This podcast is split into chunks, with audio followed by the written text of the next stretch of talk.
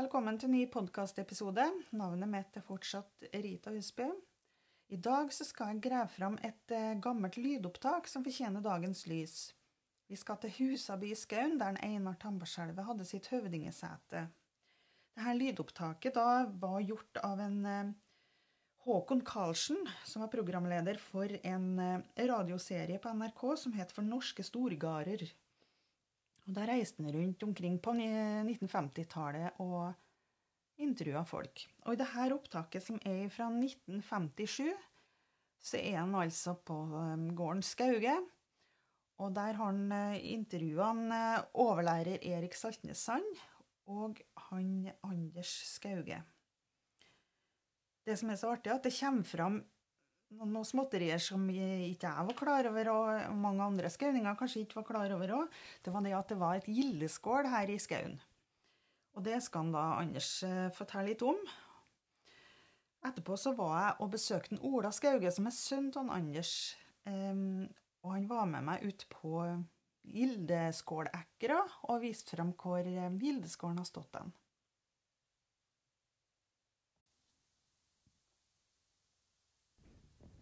Vi sitter inne i stua hos Anders Skauge i Skaun og har nettopp kommet tilbake fra synfaring borte ved den bautaen som er reist over Einar Tambarskjelver, på det stedet der en mener at hans høvdingesete Husaby lå i sagatiden. Det ligger ikke noe bruk der i dag, bare et par små stuer. Men eh, plassen er utpekt med nokså stor sikkerhet, for like i nærheten av bautaen har vi en gammel kirkeruin som er gravd fram, og som en mener er rester av Einars Høgenes kirke, eller gårdskirke. Og under oss ligger da Skaunbygda, ei vakker bygd med mange gilde gårder i bakkeskråningene i en sirkel rundt sentrum, som er Skaun kirke. Litt lenger borte kan vi se, kan vi se vatnet Laugen, og bortenfor der igjen eh, to andre deler av eh, Skaunbygda som kalles Jåren og Råbygda. Eh, vi spør eh, overlærer Erik Saltensand, som skal være vår kjentmann i dette programmet. Hvis vi hadde stått her i sagatiden, da Einar bodde her, så ville vi kanskje ikke ha sett riktig så mange gårder?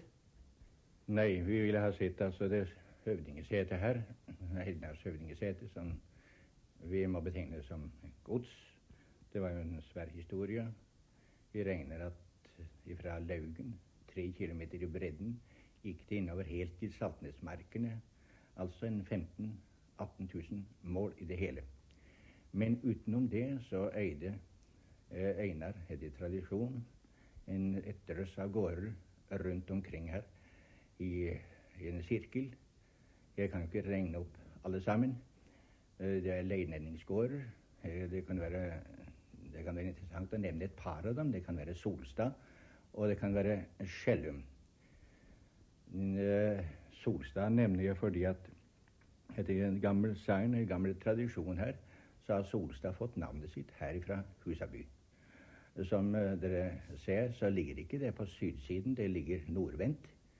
Men uh, ifra Husaby, det er altså Når sola står på det høgste midt på dagen, så står den rett over den gården. Derfor så fikk gården det navnet Solstad. Solstaden, altså. Vi Skjellum. Det er en gammel sagn her i bygda at der bodde skjoldsmeden til Einar Tammerskjelver.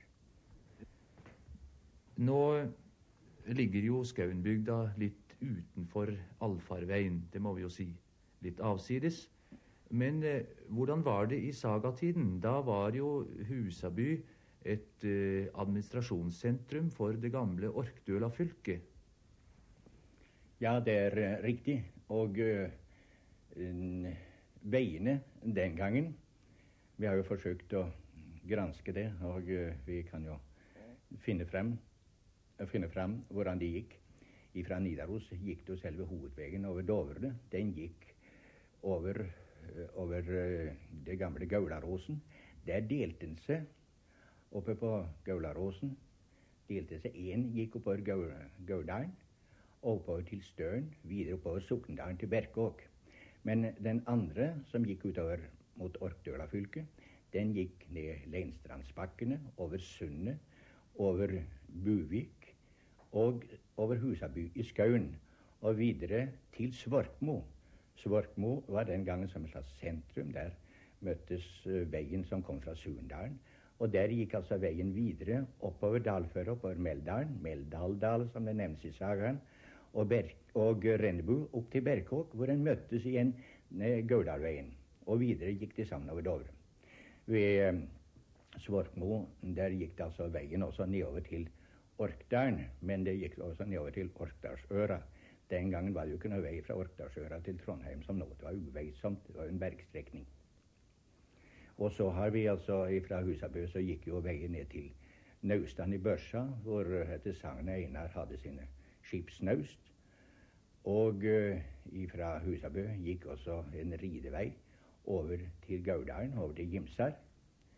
Og det gikk også en ridevei, eller en sti, eller en ridevei, fra Husaby også over til Fandrem, eller til Grøtte eh, Grytting, det gamle Grytting i Orkdalen. Det var de gamle veier. Og da, Det beviser jo tydelig at uh, den gang lå Husaby midt i allfarveien. Men hva kan vi si om jernaldergården Husaby?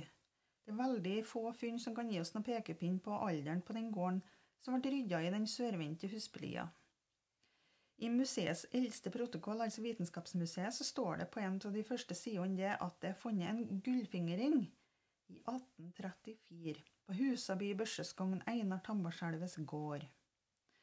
Og Her er det all grunn til å tro at ringen etter sin form har tilhørt et gravfunn fra 300-årene. Om dette er tilfellet, så har det allerede vært en gård på Husaby. En gård som etter gullet å dømme kan ha tilhørt folk fra um, samfunnets høyeste lag. Og det er all grunn til å tro at det er en sammenhengende tradisjon fra det eldste Husaby til den tids vikingegård som funnene har atskillig mer å fortelle om. En stor del av de oldtidsfunnene fra vikingtida som er kommet inn til Vitenskapsmuseet fra Husaby, er rester av gravfunn som er kommet, fra, er kommet frem på 1800-tallet. Blant annet så er det et eh, praktstykke av et sverd med sølvbelagte hjalter. Ellers er det økseblad og spydspisser av vanlige former. Men i 1908 så ble det gjort noen undersøkelser på et gravanlegg på Hauvam. Det er da en gård like nedom, eh, nedom kirkeruinene nedom Husaby, i Husbylia.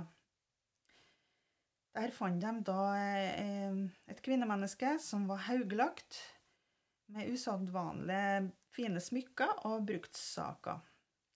Det var bl.a. saks, kniv og sigd, og så har hun fått med seg fine bronsenøkler til fint arbeid. Og videre så var det et drikkehorn med et endebeslag av bronse som tydeligvis er av irsk opprinnelse, står det. Men størst interesse så knytter seg til draktsmykkene. For det var to skålforma bronsespenner som var dekorert med dyreornamentikk, gjennombrutt arbeid og pryda med fletninger av tjukk, tvinna sølvtråd som danner et rutemønster, med små sølvbelagte knopper i skjæringspunktene. Og det her var kvalitetsarbeid av høyeste klasse. Og det, det her forekommer også på andre gravfunn av rik karakter. Replikker av de her spennene finnes på ei utstilling eh, på Skaun bygdamuseum. Dette kvinnfolket hadde også noe veldig spesielt rundt halsen. Hun hadde et sølvsmykke som med sikkerhet kan eh, bestemmes som et franktisk beslag med pryd av akantusmønsteret. Det har kanskje tilhørt et kirkelig bokverk, men må være uten tvil være røva på et vikingetokt. De praktfulle smykkene og de øvrige rike utstyret karakteriserer kvinna som en fremstående kvinne. Denne treflikaspenna, forresten, den, eh, den, kan vi òg se i skaunakofta. På ryggen der så er den eh, i mønsteret. Og den treflikkaspenna er også ordna som et uh, sølvsmykke og selges gjennom Skaun museum. Disse funnene her da, de forteller om et miljø som gir en bakgrunn for den fremskutte stillinga Husaby hadde som høvdingesete i tidlig middelalder. De andre Skaug, om de hadde levd i den gamle tida, så ville de ha vært en av grannene til Einar Tambarskjelver. Og her på gården fins det et navn som uh, forteller om uh, at det var et slikt grannskap. Det er Gildeskålen som de nettopp fortalte om. Hva ligger den? Gildeskålen ligger på gården her. Og vi har et navn i dag som kalles for Gildeskål Ekra. Like ved så ligger en haug vi kaller for Gildskålhaugen. Hva slags jord er det nedpå der? Det er opplengt, tørr sandjord. Eh, har de noen mening om hvorfor det ble liggende akkurat der? Det var vanlig, det eh, dogom, at de fant fram til slike jordstykker som eh, slapp av grøfting. Og når en ser på bygda her, slik som vi har hørt om henne litt før i dette programmet, altså denne eh, dalen med gardene i eh, lia, litt oppi lia, hvordan ligger så Gildeskålen i dette gardssamfunnet, dette store, gamle gardssamfunnet? Vi kan se det slik at det var naturlig at Gildeskålen var lagt på det der området. Det ble eh, i sentrum av eh, eh Garlom. Den var stor, den eh, Gildeskålen. Det fins ikke noe slag merke etter den nå lenger? Nei, det gjør ikke. Men eh, i 1810 eh, reiste en kaptein Klyver igjennom her, og han målte opp Gildeskålen til 40 ern lang og 14 ern brei. Det blir et eh, kvadratområde på 225 kvadratmeter. Og det må sies å være et eh, nokså stort bygg. Uh, Fins det ellers minninger om livet i den gamle tida kring Gildeskålen der nede? Gamle folk forteller at de bygde Skaun kirke, som er i dag, i 1180, så var de i området ved Gildeskålen og hogg til den stein som ble brukt i kirka. Ja, den er også bygd av stein, ja. Kirka. Den er bygd av stein. Og da de var ferdig med det, så forteller de at da ble det hillet et stort gilde som det går sagn om. De vet ikke hvor lenge sjølve skålen sto og var i bruk? Eh, den kom etter hvert i forfall opp gjennom dansketida. Og på slutten så ble det Gildeskålen et tilholdssted for farandes fant. Eh, de vet at det er mange husebygere kring om her i landet. Og svært ofte så finner en navn som spiller på gudsdyrking eller på leik. Eh, ved slike gårder. Det fins ikke slike navn her. På nabogården Rekstad eh, finner vi noe slikt. Eh, Rekstad har helt opp til våre dager blitt kalt Tevlingene. Og gamle folk bruker ikke noe annet navn på det. Og etter overleveringa så skal det navnet referere seg til at det var idrettsplassen til Einar. Er landskapet slik der at en eh, kan si at det er ei rimelig tolking? Ja, det er det. I og med at vi har ei flate som eh, er ca. Eh, ti mål og ligger på sandjord. Og oppfor flata er det en naturlig tribune. Så der kan en tenke seg at de har møtt hverandre til, til leik og fredelig tevling. Ja, det skulle være en svært høvelig plass. Jeg står her i lag med en Ola Skauge, som er sønn av Anders Skauge, som vi hørte på et opptak, som er 63 år gammelt. Ja. Og der han forteller om Mildeskålen. Ja. Um, og da skal du ta med meg hit, du, så vi får se hvor det er. Ja, det skal jeg gjøre.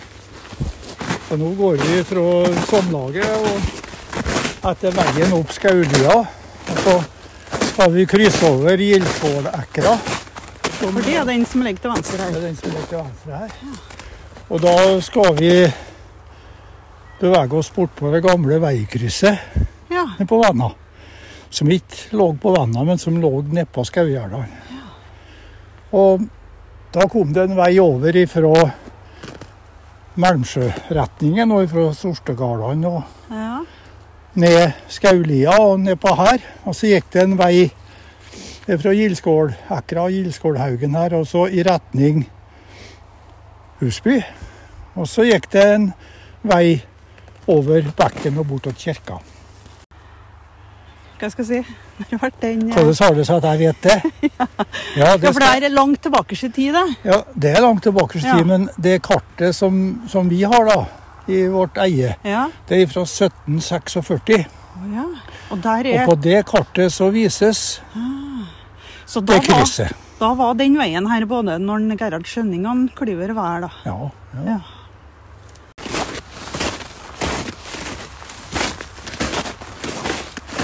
Og nå tenker jeg at vi er på krysset sånn omkring.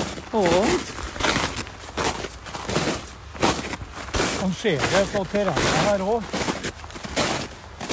Hvor veien burde ha kommet ned, da. Gjennom lia her, så du ser Du ser eh, Han kom nok der. ja. For borti Dolpa her var det myr.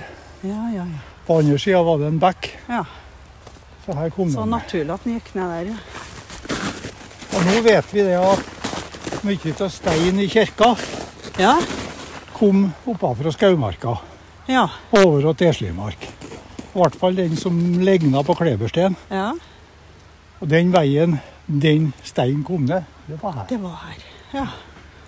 Og jeg tror, nå er det bare fantasi fra min side, men for å kunne bearbeide den steinen, Ja. lageren ikke minst, Ja. så måtte de ha plass. Ja. Og da tror jeg de gjorde det her. Ah. Og her plukkes det stein hver eneste vår Jaha. som er synslig. Ja. Så jeg tror det at det her var den en av de plassene de bearbeidet stedet. ja, det var kanskje naturlig, det, da. Ja, det var, Ja. da var det kanskje naturlig å få til et hus her òg. Ja. Fordi at de som drev arbeidet med sten, det var folk som egentlig arbeidet med domkirka. Så man var bare ute på midlertidig oppdrag, ja. Ja, og så var det ikke bare å kjøre til byen om Nei. ettermiddagen. Så da måtte jo ha en plass å bo. Mm. Og etter at de var ferdig med kirka, så sto huset her. Så nå er det jeg som tenker. Ja. Det er ikke skrevet noen sted. Nei, nei. Hvor skulle de bruke det huset til? Ja. For her var det jo staller òg. De måtte jo ha staller Mm. Og hestene, for det var jo hest de bruka. ikke sant? Ja. Så her bygde de hus, og her har de etter hvert en gildskål. Og en gildeskål det var en skål der folk kunne samles. ja. Og det var òg en skål der de kunne overnatte hvis de kom fra Svartbo og gikk pilegrimsleia. Etter hvert da, som, som var ganske Det var en omfattende trafikk, egentlig. ja. Og det var jo et knutepunkt i skauen her, da. Ja, så, så nedpå vannet her da, så kunne de overnatte. Ja. Var det bruka som et slags festlokale òg? Det Et gilde? Gildeskål? Det, ja, gildeskål. Det ligger jo i navnet at Ja. de har gilde her. Mm. Men det var, gildesystemet var òg et system der, der folk samla seg. Mm. Og gildesystemet ble jo forbudt. I en kombinasjon mellom konge og kirke så ble det Ja. utstedt et forbud mot gildeordninga. For det som skjedde da, det var at du måtte ha en forening som, eller et, et styre, eller hva du skal kalle det, Som organiserte med en leder som organiserte Mm. dette her. Og det ville verken kirka eller kongen ha noe av. At folk utover i bygdene begynte å organisere seg for seg sjøl. Så du kan jo si det at gildesystemet var òg en, en liten start på det vi i dag kaller for demokrati. Ja. Folkestyre. Ja. Det passa ikke verken den katolske kirka eller kongen. Far din beskriver det at eh, det var mulig det her ble revet i forbindelse med dansketida. Ja, Vet du noe mer om det? Nei, Gildesystemet ble jo forbudt. Ja. Og, og når det skjedde, det har jeg lest, men det husker ikke jeg på. Men jeg sier at det var på, at det var på uh, sist på Nei, ikke på 12, men på, på 1300 ja. en gang. Det vi ser her nå, er, er det Ja, den lille knatten her, det er Gildskålhaugen. Gildskålhaugen. Ja. Og nå er det, har det seg sånn da, at eh, når, når vi begynte med korn hvert år, og pløgg hvert år Og du var heldig med fukta og været og skulle si, det hele, så kunne du stå oppå piren oppå skauene ja. så se nedpå her. Og da så du omrisset, fordi at jorda var svart her. Og jeg skritta det opp til 22 meter langt og Ja. 6 meter bredt. ja. Det var et stort hus, da. Ja, det var, noe som et, eh, det var noe som et trønderlån, da. Og den sto eh, på området her vi står nå. Sånn. Ja. Herifra og så inn mot Haugen. Ja. Og som jeg sa, det her plukkes det sten hvert år. ja. Og det er sten som har vært banka på. Det er ikke noe det, tvil om. ja. Og her er det stødig grunn. Og det var vel derfor de la det på en sånn plass òg? Ja. Her var det verken rasfare eller noe annet. Og, og det, var jo, det var jo delvis ustabil grunn eh, rundt nede på vannet her. Og de som har drevet og grevet nå i, i jorda i vår, Ja. de har jo funnet ut at det har skjedd ras her. Ja. Det er jo ikke noe rart. Og Geologien han er jo sånn at alt skal ned. Ja. Alt skal slites ned. Og alt skal bli til slutt flatt før det reiser seg opp igjen på en eller annen grunn. Men er det noen leire her da, rundt omkring på vann? Nei, nedi groen her nedover at uh, Samlaget står jo på, på silt, egentlig. Ja. Finsand. Men leire er det rundt her, ja. Og kirka står jo på en leirklump. Og da de bygd, da de bygd eh, det som er gammelskolen i dag, som var ferdig i 5-56. Jeg gikk, gikk for to år bortpå der, jeg tror jeg, framhaldsskole. Så i den byggegropa, den husker jeg på, for det var veldig imponerende. For det var Alt var løs, bevegelig masse. Til og med en guttunge husker på det. Ja. Det, var, det så direkte farlig ut. ja. Så her bortpå, og det er jo, det er jo spådd eh, Ja, det blir jo spådd eh, både hytt og pine fra Ja. gammeltida. Men kirka skal, skal gli ut. Har hun flytta noe på seg, da? Vet vi noe om det? Kirka har flytta ganske mye på seg. Aha, det, ja. Ja. Og i, da de restaurerte kirka i, på slutten av 40-tallet, så grov de rundt murene og dødde opp murene med, med støp, så betong. Og grov tilbake. Da, så det så at nå, så, nå så er hun jo forholdsvis stabil. Mm. Mm. Men hvordan jord er det her vi står da på Det her er sand. Det er sand, ja. For nedover her Nedover her så hadde det jo vært bekk siden istida. ja. Og øh, her står vi jo egentlig på, på, på bunnen av en fjordarm ifra istida. Eller ifra før istida. Og under eh, istida så lå strandlina eh, på 177 meter. Mm. Det vil si at uh, husa på Skaugardalen og Rekstadgardalen og Husby bortover til Husby, og Husaby, da, Mm. ligger på den strandlina. Ja. Så for en eh, 12 000-15 000 år siden så lå jo dette her nedi, Mm. nedi sjøen. Ja. Så det her, og her er det kommet ut uh, en bekk, da. Ja. I årenes løp så er jo mye stein, og det er jo Når det er skikkelig flom her, så flommer vannebekken over, og da kommer vannet rett ned på husene på Samlaget. Det var noe naturlig at de bygde et gilde kanskje attmed en bekk òg? Ja, og så tror jeg at det sto her eh, De tok jo bare over huset Ja, ja. etter Ja, ja. Ja. tror jeg. Vet du om det går noe sagn? Er det noe sagn rundt det her gildeskål som du vet om? Nei. Men det har vært fortalt i generasjoner at dere det, så det er ja, kjent. det, ja, eh, og så er det jo, det er jo navnet er jo, Ja. Skålvoll er jo likens, ikke sant? Ja, det er det, vet du. Og det er jo flere skålvoller, så Ja. det har jo stått hus Ja. litt på forskjellige plasser. Mm. Men Gildeskål har stått bare her, Ja. antagelig. Og det står på kartet òg. Gamle kart. Jo, det gjør det, men Ja. det, er jo, det har vi jo fått på nå, da. Ja. Det navnet. Ja, det er viktig at det blir bevart. Ja, det er det. Og Derfor så er det òg med, egentlig med sorg i hjertet at jeg, at jeg ser det at eh, det er her med Når vi først har fått pilegrimstrafikken opp igjen, Ja. at ikke eh, Skaun kommune har skjønt det. At her har vi virkelig gamle tradisjoner når det gjelder overnatting av pilegrimer.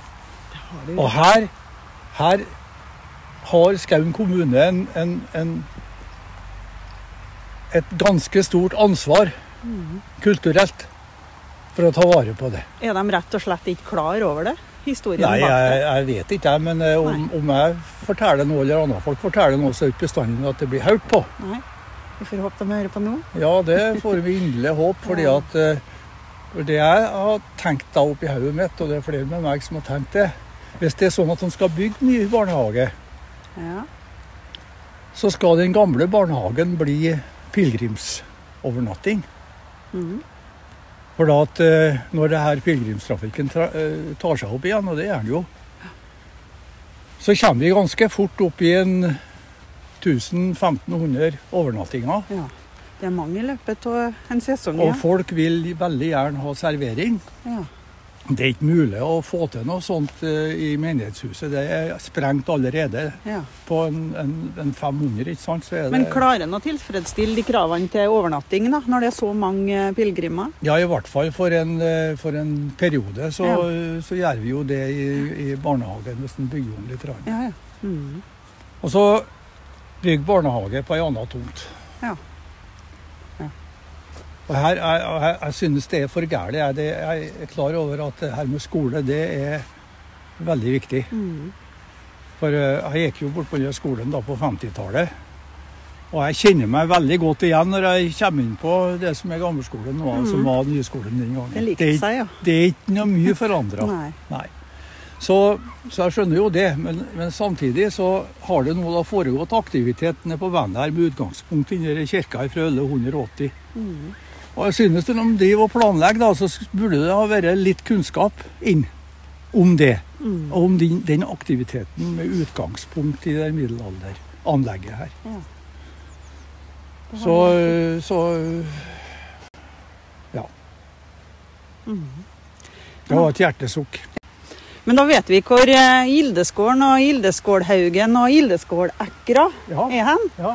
Og det her må vi Og det, var, det er jo ikke lenge siden jeg gikk på skolen, så de skulle ga snarvei, Ja. ungene. ja. Fra, fra Rekdala og en del av husbygårdene så kom de her. De gjorde det, ja. Ja.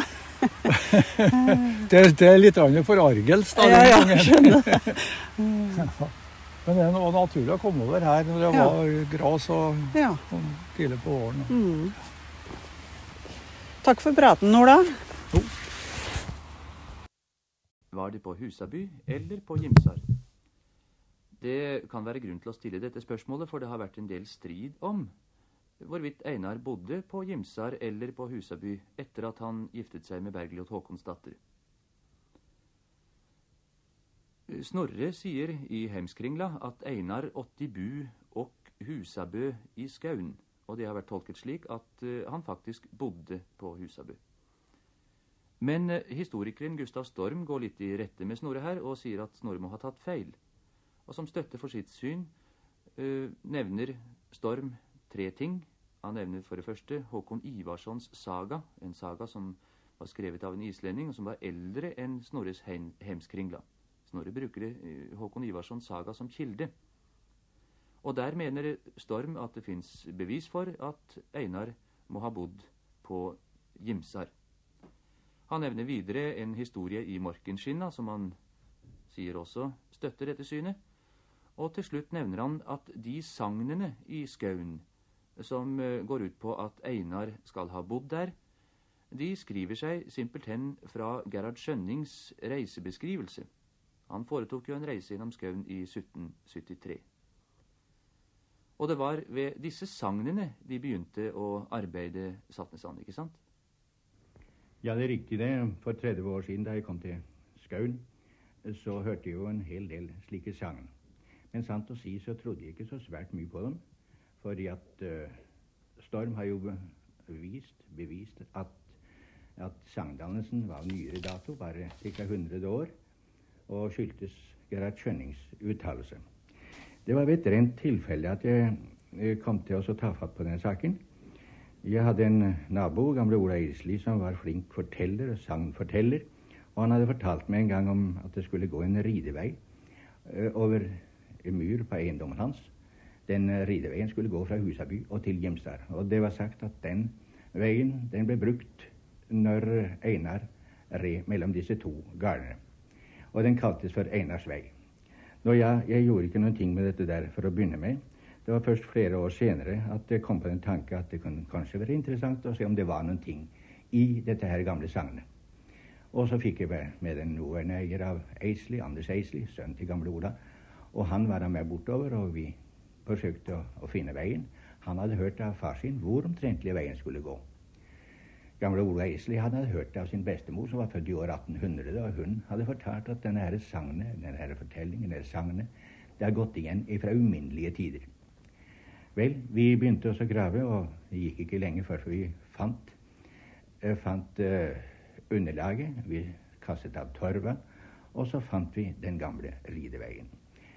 Den uh, gikk ikke, Stokkene lå ikke på tvers, slik som de senere kavlveier. De lå på langs. Ytterst, i en avstand av ca. 90 cm, lå det digre stokker.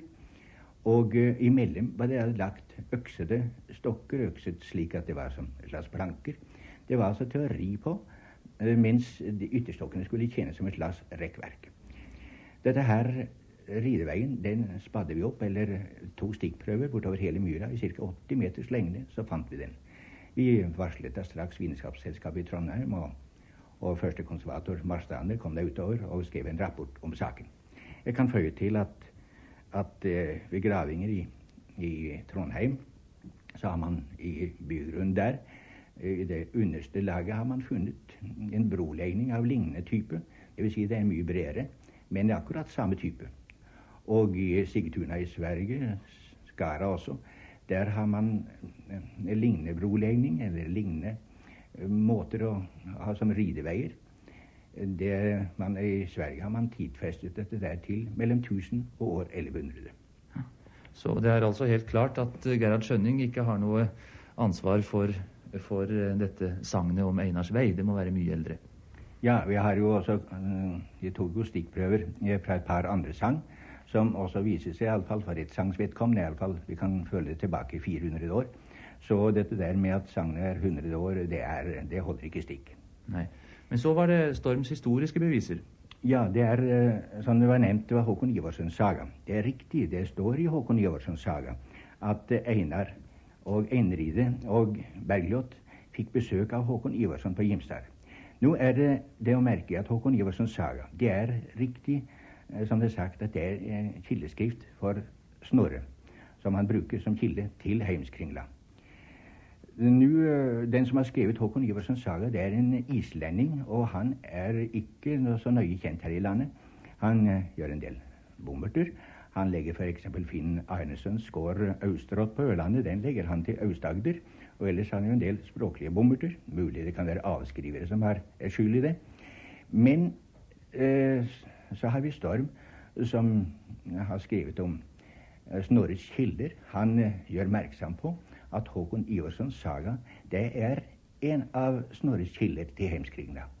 Det interessante er imidlertid at Snorre, når han bruker Håkon Iversons saga som kilde, så retter han på alle de feil som Håkon Iverson har gjort, eh, som dvs. Si islendingen har, som har skrevet sagaen, har gjort.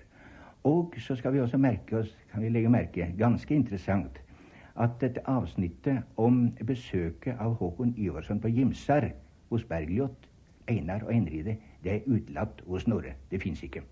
Nei, Simpelthen fordi Snorre har visst bedre, antagelig.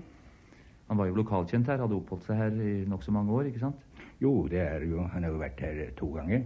I det Til sammen var han her i Trøndelagen i tre år. Ja. Og så var det fortellingen fra Morkenskinna, da. Ja, det er fra Morkenskinna. Det handler om et uh, julebesøk som Einar og Einride eh, foretar eh, i sannsynligvis omkring år 1042 til kong Magnus den gode i Nidaros. Der møtes de to oppe på Gaularåsen. Og der er det at Einar sier til Einride Far du heim til Gimsar. Og det tar altså Storm som et bevis for at Gimsar er heimstaden til begge. Til begge to, ja. Men eh, så er det det å merke altså at at uh, når man leser hele fortellingen igjennom, så blir man bare forbauset. Det er, det er nemlig ikke noe bevis for at Gimsar er heimstaden til Einar. Tvert imot. Uh, hele fortellingen viser at Einar på det tidspunkt ikke kunne ha bodd på Gimsar. Det er Einride som etter fortellingen bor på Gimsar. Det er han som er høvding på Gimsar, og han tar denne fredløse islendingen Torstein Sido Halsen eh, og plasserer ham ved siden av seg i høgsetet, står det i fortellingen. Einar han er altså ikke høvding på Gimsar. Og da Det- finnes det jo bare én mulighet. Ja, det, det er at Einar eh, måtte ha bodd på Husaby. Når Storm her tar feil, så skyldes det sikkert at han ikke hadde kjennskap til hvordan veiene gikk den gangen. Men det er et moment som er blitt oversett, og det er ganske vesentlig også. Eirik Jarl vet jo ga sin svoger Einar store veisler i Orkdøla fylke. Einar ble altså jarlens lendemann. Og her viser jeg til eh, riksarkivar Ebbe Hertzbergs utgreiing om lendemennenes opp, øh, oppgaver. En forutsetning for at lendemennene kunne skjøtte sin oppgave, var at de hadde sitt tilhold i det fylket hvor veislene lå. Altså kunne ikke Einar bo på Gimsar, som lå i Gaudøla fylke. Faren Einride var også sikkert lendemann i Gaudøla fylke. Kanskje alt fra Olav Tryggvassons dager. Kristin Lavransdatter, Erlend av Husabys unge brud. De var kommet opp i skauen, de red høyt i lien. Under dem i dalbunnen sto løvskogen hvit og lodna rim. Det glitret i solen, det blinket i laugen der. Så kom de ut av et granholt. Erlend pekte frem. Der ser du Husaby, Kristin. Gud unne deg mange glade dager der, hustru min, sa han varm i røsten. Foran dem bredte seg svære, rimhvite jorder. Gården lå som på en bred hylle midt i lien, nærmest en liten lys stenkirke, og rett i syd for den husene. De var mange og store. Røken virvlet fra jordgeluggene. Klokker tok til å ringe fra kirken, og folk strømmet ut mot dem fra gården, ropende og hilsende. De unge menn i brudetoget slo sine våpen mot hinanden. Med bråk og bulder og gledeslarm for skaren frem mot den nygifte manns gård. De stanset foran kirken. Erlend løftet sin brud fra hesten og leide henne frem til døren, hvor en hel skare prester og klerker sto og tok imot dem. Der var bitterlig koldt inne, og dagslyset sivet inn fra de små rundbute vinduer i langhuset, så kjerteglansen i koret bleknet.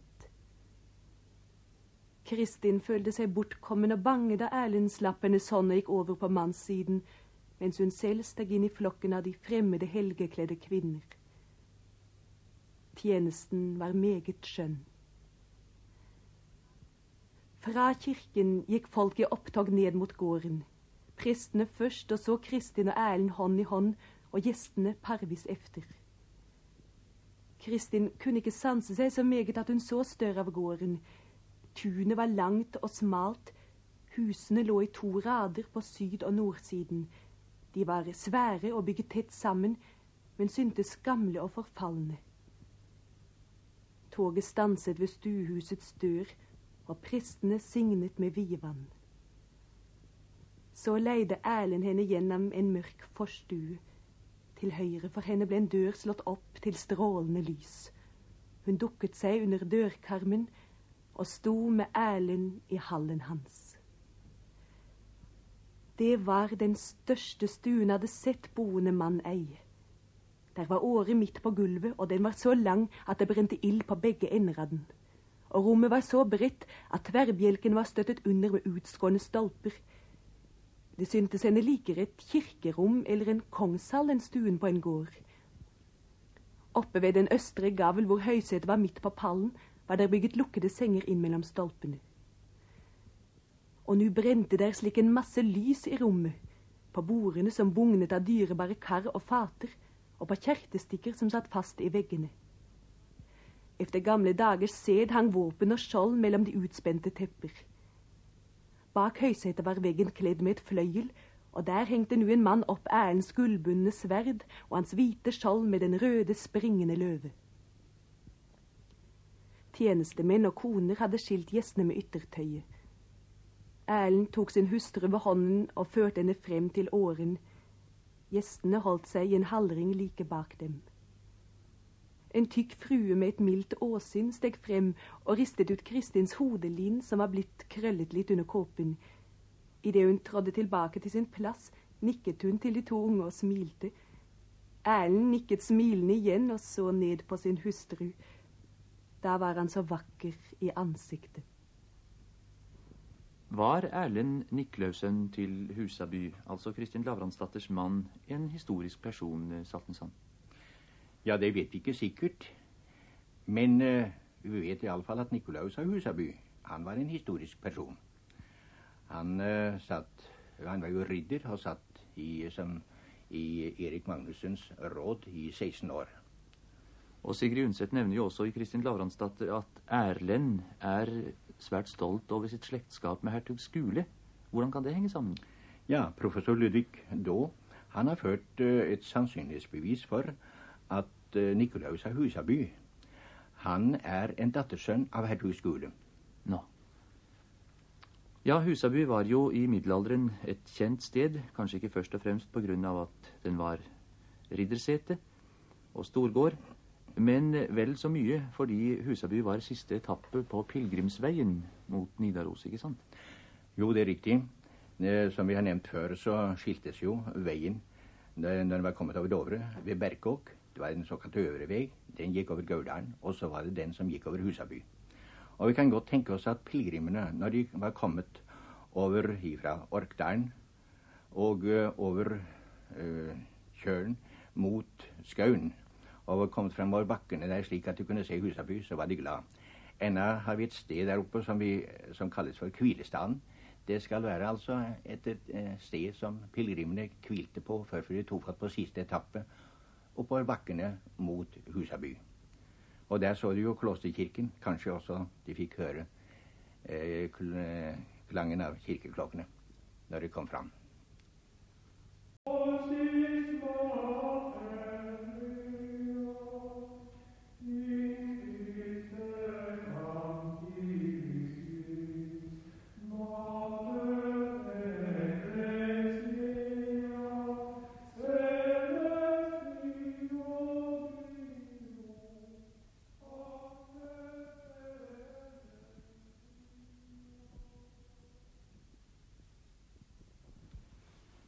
Hvordan gikk det med Husaby etter stortiden under eh, Nikolaus og Erlend?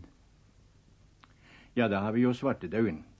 Etter gammel tradisjon i skauen så var Husaby ubebodd i to slektledd. Og så kom han over i erkebispestolens øye. Og uh, ved reformasjonen så faller jo alt som hører erkebispestolen tilbake til kongen. Og kongen den gangen var jo Kristian den tredje. Og eh, han her i 1548 Peder Pedersen, dansk adelsmann, Husaby gård og klosterlen. Denne Peder Pedersen han eh, ble senere borgermester i Trondheim og fikk også Viggen gård, eller gods, og oss, nevnes også senere som Peder Pedersen til Vigg. Så har vi på 1600-tallet så er uh, Husaby kommet over i Reinsklosterets eie. Og på 1700-tallet så begynner den store gårddelingen. Og i dag har vi av dette gamle godset, gamle eh, Husaby, ca. 30 bruksnummer, som alle bærer navnet Husby.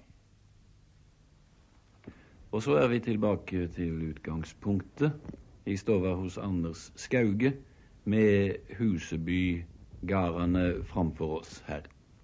Og eh, så vidt jeg har forstått Saltnesson, så er det ikke heller eh, så visst at eh, Husaby i sagatida og Husaby i mellomalderen var nettopp på samme stand, at det var nettopp samme gang? Nei, det er riktig, det. Den gamle tradisjonen om Einars skåle det var jo at den lå litt i nordøst for kirka. Cirka, det står oppgitt i en stedskrift ca. 100 i nordøst for kirka. Men eh, Sigrid Undset eh, hun er inne på at uh, i Kristin Lavransdatter der er hun inne på at garn, hovedbøl den gangen, lå i syd for selve kirka. Og det er Jeg tror at Sigrid Undset der har rett. Jeg har gått og sett litt på det, spesielt siste sommer. Og jeg har funnet merker, eller iallfall stein der oppe, som tyder på at selve hovedbølet i riddertida, det måtte ligge altså på sørsida av kirka, altså at Siri Undset har rett der. Bygde Sigrid Undset den gangen på sjølsyn? Hun uh, bygde på sjølsyn. Hun bodde jo her i skauen i flere måneder før, da hun skrev Sigrid, da hun skrev Kristin læreansatte, og bodde på en gård like nedunder kirkeruin. Og folk forteller jo han lå der oppe på banken ved kirkeruin og, og skrev og drakk svart kaffe. forteller de, og hele tatt var de veldig imponert over Sigrid Undset, hva hun visste om bygda. Hun visste jo faktisk mer om bygda enn folk i alminnelighet visste. Og i dag er det altså ei jordbruksbygd først og fremst, Skauge. Hva vil du si om jorda her? Er den lett å drive og fruktbar? Jevnt over så er det ei svært god jord i skauen. Den er det er molljord, noe sandblanda.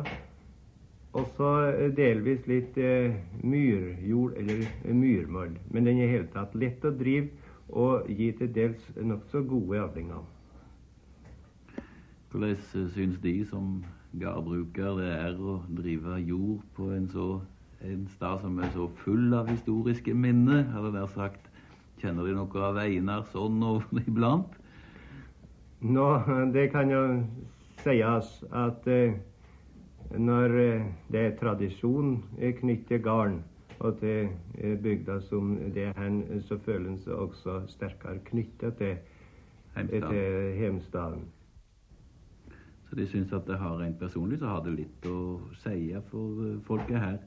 At eh, de nå kan slå fast at her var Einar Tambarskjelves husaby. Ja, det er sikkert det alltid gitt å vise til at er et folk med tradisjon. Og alltid gildt å vite at eh, vi har fedre som har gjort noe og vært noe.